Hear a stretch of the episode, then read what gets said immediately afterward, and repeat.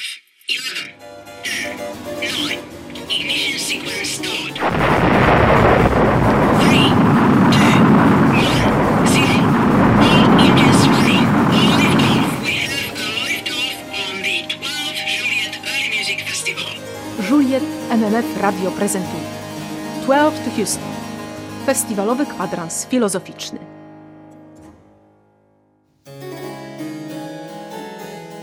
Dwudziesty pierwszy sierpnia 2020. Nadal jesteśmy w przestrzeni nieredukowalnego ja. Nadal osobno, we własnych osobnościach, z własną osobowością, próbując relacjonować przez eter z publicznością Juliet M Festiwalu nowatorskiego festiwalu muzyki dawnej, który od 2009 roku jest stałym punktem w rocznym programie Galerii imienia Slędzińskich. Nieredukowalne ja. Czy ono naprawdę jest? Czy istnieje jedynie jako fragment rzeczywistości wyobrażonej? Czy istnieje w rzeczy samej jako nieredukowalny i osobowy element rzeczywistości, a nie tylko jako bezosobowy fragmencik kolektywnej sublimacji materii? Fragmencik, który dryfując bez celu, w końcu dezintegruje się i łączy bezosobowo z kosmosem, niepowiązanych ze sobą cząstek elementarnych.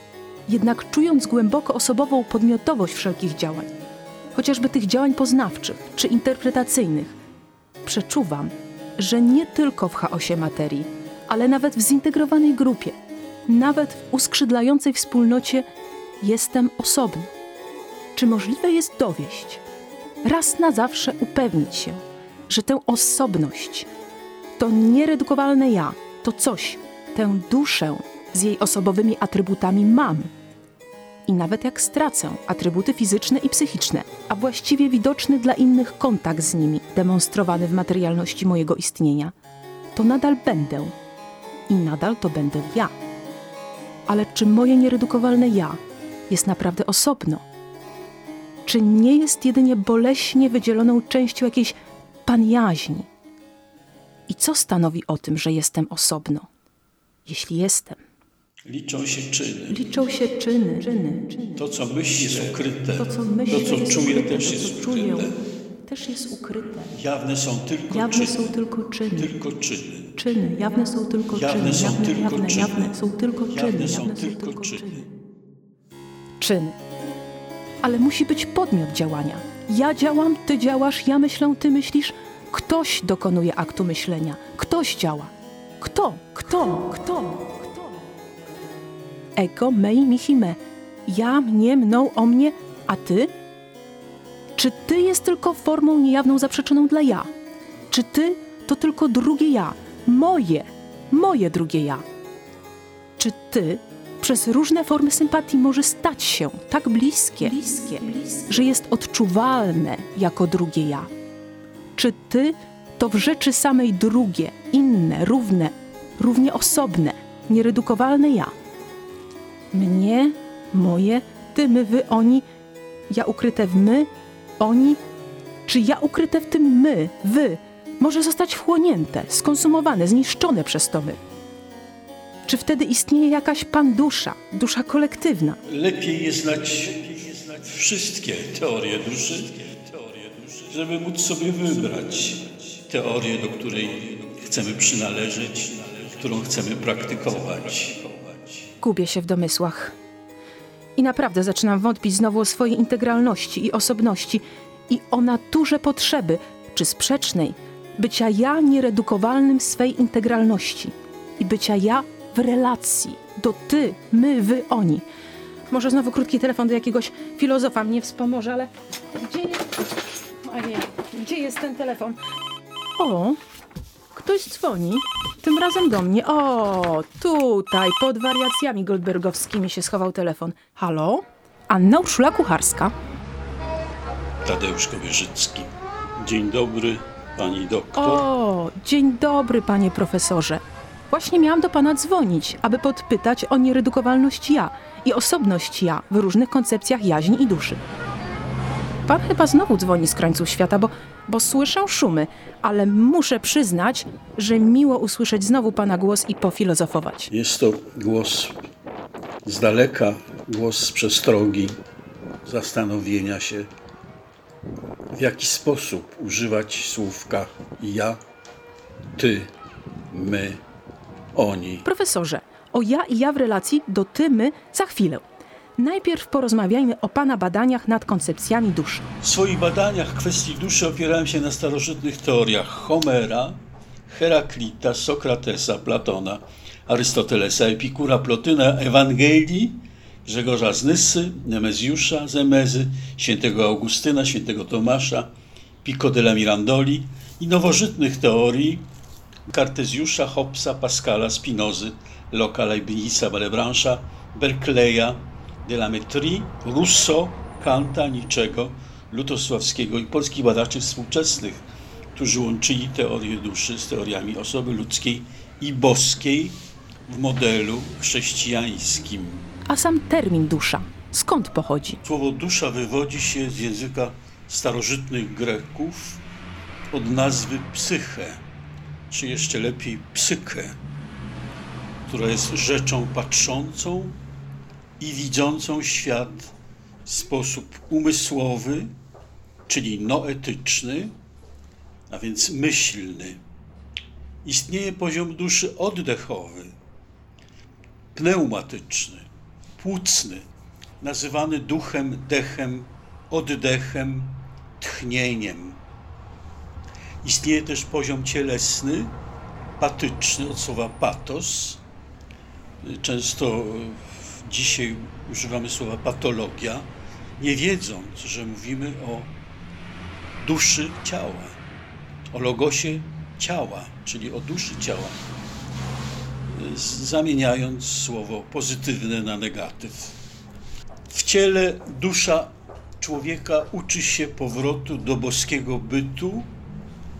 Możemy tu mieć e, takie właśnie patologiczne wrażenia, że często ludzie sami utożsamiają się z Bogiem. Tutaj zaczynają się kłopoty psychiatryczne. Albo kryminalne. Istnieje też inny podział dusz opisany u Platona jako dusza noetyczna, umysłowa, dusza odważna, bohaterska, sercowa, nazwana po grecku tymos, i dusza cielesna, patos, somatyczna i erotyczna. Są one w konflikcie i zadaniem człowieka jest wprowadzenie między nimi harmonii, czyli równowagi między ekscytacją i integracją energetyczną i kosmiczną, jako tej najwyższej instancji duszy człowieka. Strasznie dużo tych dusz. W tych koncepcjach człowiek wydaje się być już tak sam w sobie podzielony, że nawet zgodne relacjonowanie różnych aspektów siebie, siebie samego wydaje się być niemożliwe. Istnieje też inny podział, który mówi, że człowiek złożony jest z organów cielesnych, z których każdy ma swoją duszę, która czasami słabnie albo ucieka z ciała. Wtedy człowiek choruje. Gdy wraca, zdrowieje. Najczęściej ta dusza ucieka na rok albo dwa. Z wyłączeniem serca. Jeżeli ucieknie dusza z serca, koniec, umieramy. Podobnie rozumowali starożytni Hindusi i filozofowie starożytnego wschodu. A w Polsce? Czy jeszcze ludzie martwią się o swoją duszę? Czy troszczą się o nią jak o i jako o swoje jedyne, prawdziwe, stopniowo oczyszczane z wszelkich mu niewłaściwych, a powodujących śmierć przypadłości nieredukowalne ja? W Polsce, która jest chrześcijańska, dominuje kombinacja judeo-grecka, której dusza jest tylko jedna, unikalna dla każdego, związana z ciałem, z którego uchodzi w chwili śmierci i udaje się do miejsc, których czeka na koniec świata, po którym ma szansę wcielić się ponownie w swoje ciało, czyli zmartwychwstać. Czy dusza czeka na koniec świata, skoro już jest poza czasem mierzalnym? Może to zmartwychwstanie i koniec świata przychodzi o wiele szybciej. Przecież od razu przestajemy być uwikłani w to niekończące się rozwijanie nici czy spirali czasu. Profesorze, ale czy właśnie ten model duszy jako jedynej i nieredukowalnej nie stanowi o podmiotowości i przez to odpowiedzialności za czyny, których jesteśmy podmiotami?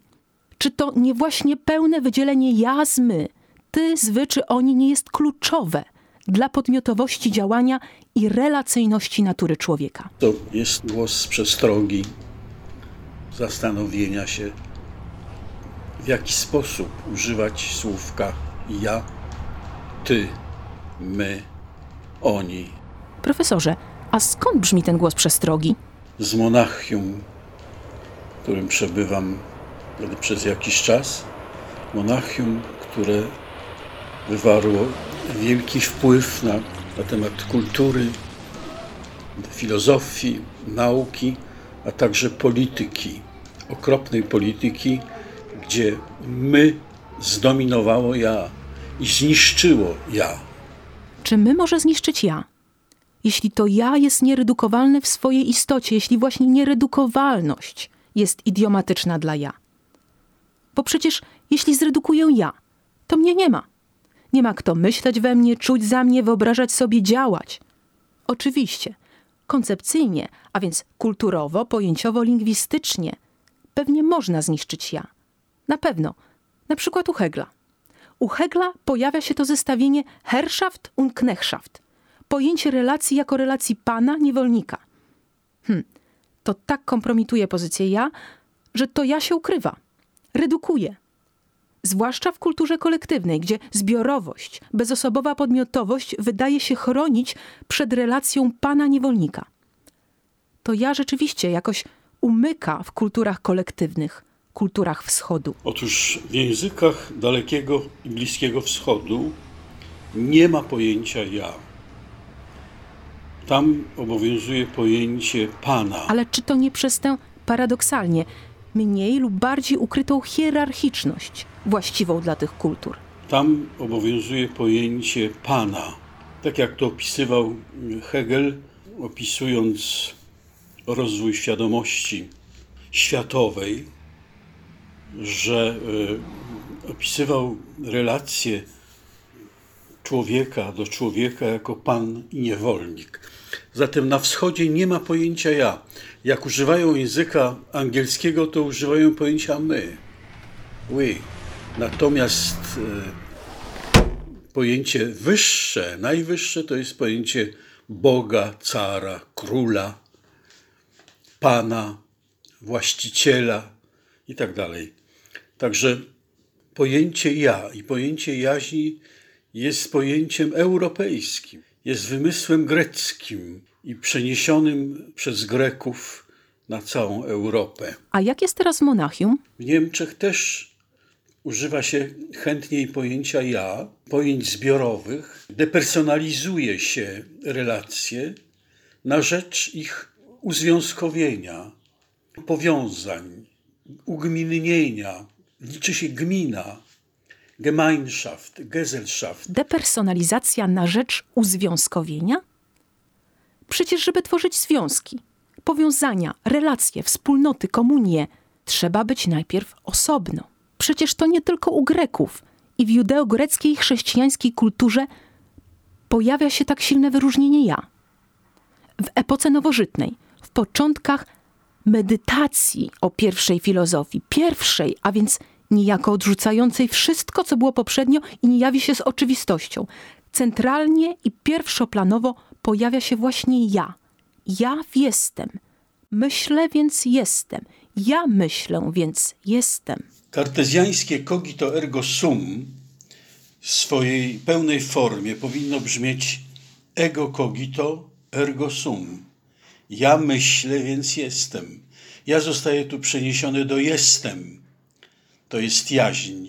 To ja, ja jestem nazywa się jaźnią. Jest to ja rozwinięte, realne i transcendentne, inicjalne i finalne. Zamknięte w kole. Tak myślał Herakli z Efezu, który pisał Logos duszy, jej wzrost, ożywienie, rozwój i wzlot. Tyle właśnie, e, tyle znaczą, czyli łączą się z tymi, z tymi cechami.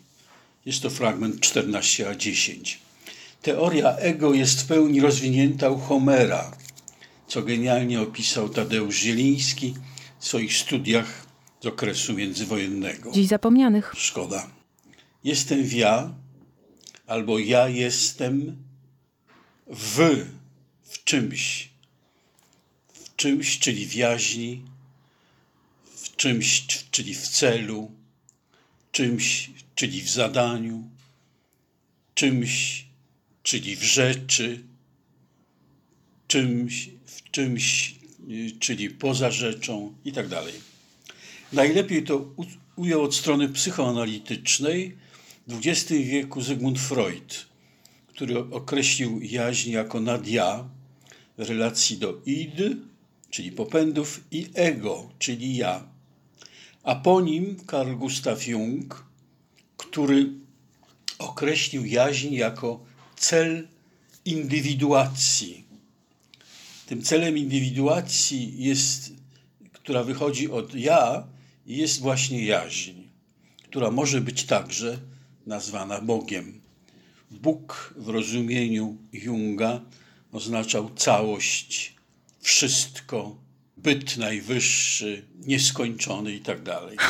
Profesorze, muszę pomyśleć nad tym wszystkim w osobności. Pozdrawiam serdecznie. Dziękuję, panie profesorze. Hm. Wszystkim, całością, początkiem, końcem, kulą, kołem, bytem i transcendencją logosem. To najbardziej przerażająca redukcja nieredukowalnego ja, która tak naprawdę, eliminując ja, ani nie jest aktem nieegoizmu czy nieegocentryzmu, ani nie daje szczęścia, jakim jest wspólnota. Redukcja osobności osoby zamyka możliwość relacjonowania. Zatem zamyka drogę do wyjścia poza kosmosik swojego pokoju i pseudoprzestrzeni nieredukowalnego ja. Dzwonię do filozofa personalisty. Dzień dobry. Dzień dobry, panie profesorze. Pan chyba znowu jest w jakimś lesie, sadzie czy ogrodzie, albo w jakimś ptasim raju. Witam Państwa bardzo serdecznie. Profesorze, czy to możliwe, że nawet jeśli nie jesteśmy samymi mózgami, samą materią, nawet jeśli to, co ogólnie nazywamy kulturą duchową czy umysłową, nie jest produktem sublimacji materii, to czy możliwe, że nie mamy własnych, osobnych dusz, tylko jakąś przynależność do kolektywnej duszy, która jest kolistym logosem, częścią, całością, bytem wszystkim? Wiemy już zatem, że człowieka nie da się zredukować do ciała, ale można jeszcze w inny sposób próbować człowieka redukować. Mianowicie można go próbować zredukować do jakiejś ogólnej jaźni, do jakiejś koncepcji powszechnej świadomości. I to jest y, próba takiego rozumienia ludzkiego ja, która jest y, nie tylko y, cechą filozofii wschodu, ale także pojawiła się w filozofii zachodniej, ponieważ y, y, w koncepcji Averroesa, na przykład arabskiego filozofa, który komentował Arystotelesa w specyficzny sposób, pojawił się wspólny intelekt i było takie przekonanie, że po śmierci dusza staje się na powrót częścią wielkiego kosmicznego intelektu. Przecież naturalnie w każdym rodzi się sprzeciw przed odebraniem mu, nawet koncepcyjnie, fundamentalnej i może jedynej prawdziwej własności bycia integralną, osobną osobą. I tutaj bardzo mocno się przeciwstawiano takim e, ujęciom, pokazując, że w koncepcji chrześcijańskiej nie da się człowieka zredukować do jakiejś ogólnej jaźni. Człowiek jest jednostką, która nie jest y, częścią wspólnoty w ten sposób, że się w niej roztapia, nie jest częścią, nie spotyka się z Bogiem w ten sposób, że się w nim roztapia, tylko w ten sposób, że spotykają się dwa ja. Spotykam się ja moje i ja twoje. I do tego y, służy już starożytna, bo jeszcze pojawiająca się w filozofii starożytnej, w neoplatonizmie, koncepcja osoby, którą chrześcijaństwo przejęło po to, żeby przede wszystkim opisać to, co się dzieje w Trójcy Świętej, ale także, żeby opisać to, co się dzieje w człowieku. I najprościej można by powiedzieć, że osoba służy do pokazania tego, że skoro człowiek posiada rozum, to dwie, dwie jednostki, które posiadają rozum, y, różnią się od siebie w dużo większym stopniu niż dwie jednostki, które tego rozumu nie posiadają. Dlatego, że różnią się duchowym światem. Y, Nie tylko ich odrębność polega na jakiejś fizycznej odrębności, że mają różne cechy, ale także w różny sposób się zachowują, w różne mają zainteresowania, y, różne mają y, upodobania itd., itd., itd. W związku z tym y, to pięknie jakby zauważa Jan Paweł II, kiedy mówi, że Nawet słowo polskie osoba y, pokazuje, że osoba to jest ktoś, kto się wyosabnia, który, który jest osobny, jest nieredukowalny, jest jednostką, która posiada takie cechy, że nie, one, nie są one zastępowalne przez jakąkolwiek inną osobę. Zdecydowanie wolę być wyosobniona, by móc prawdziwie relacjonować z innymi. Zwłaszcza jak już w końcu nie będę uwikłana w czas i rozciągliwą materię. I dlatego y, tutaj y, taka y, koncepcja osoby pozwala nam zobaczyć, że po śmierci nie, człowie, nie czeka człowieka jakieś roztopienie się w y, jaźni powszechnej, którą, która jest jaźnią boską, tylko raczej czeka człowieka wspólnota, to znaczy y, Bóg sam jest przecież trzema osobami, w związku z tym człowiek jest jakby wzięty czy zaproszony do tej wspólnoty osób i w tej wspólnocie osób jest szczęśliwy. Czyli y, w koncepcji chrześcijańskiej szczęście po śmierci i moja, moje ja polega na tym, że ja się nie, nie przestaję być sobą w momencie, kiedy spotykam się z drugim człowiekiem i nie przestaję być sobą w momencie, kiedy spotykam się nawet z Bogiem i, i mogę z Nim być przez całą wieczność. A czy innym dowodem na naszą potrzebę relacyjności, uniezależnionej od miejsca i czasu, w którym z urodzenia się znaleźliśmy, nie jest komunikowanie się przez działanie artystyczne? Po co by zatem trudzono się, wynajdując pismo, druk w końcu media? Liczą się czyny. Liczą się czyny. czyny, czyny. To, co myślę, To, co myślę, jest ukryte. To, co, to, co czuję, czuję, też jest jest ukryte. ukryte. Jawne są tylko Jawne są tylko czyny, czyny, jawne są tylko czyny, jawne, jawne są tylko czyny, jawne są tylko czyny. Aksjologia versus estetyka. O tym musimy porozmawiać w kolejnym festiwalowym kwadransie filozoficznym. Proporcja, blask i pseudodionizy. W piątek, 11 września 2020. A teraz, drogi słuchaczu, zapraszamy na film. Paradoksalnie, film o relacyjności w poszukiwaniu świętego grala. Była to audycja 12 to Houston, festiwalowy kwadrans filozoficzny. W festiwalowym kwadransie filozoficznym udział wzięli profesor Uniwersytetu Muzycznego imienia Fryderyka Chopina, doktor habilitowany Tadeusz Kobierzycki, profesor doktor habilitowany Tomasz Stępień, scenariusz audycji Anna Urszula Kucharska. Realizacja dźwiękowa Sounds and Stories.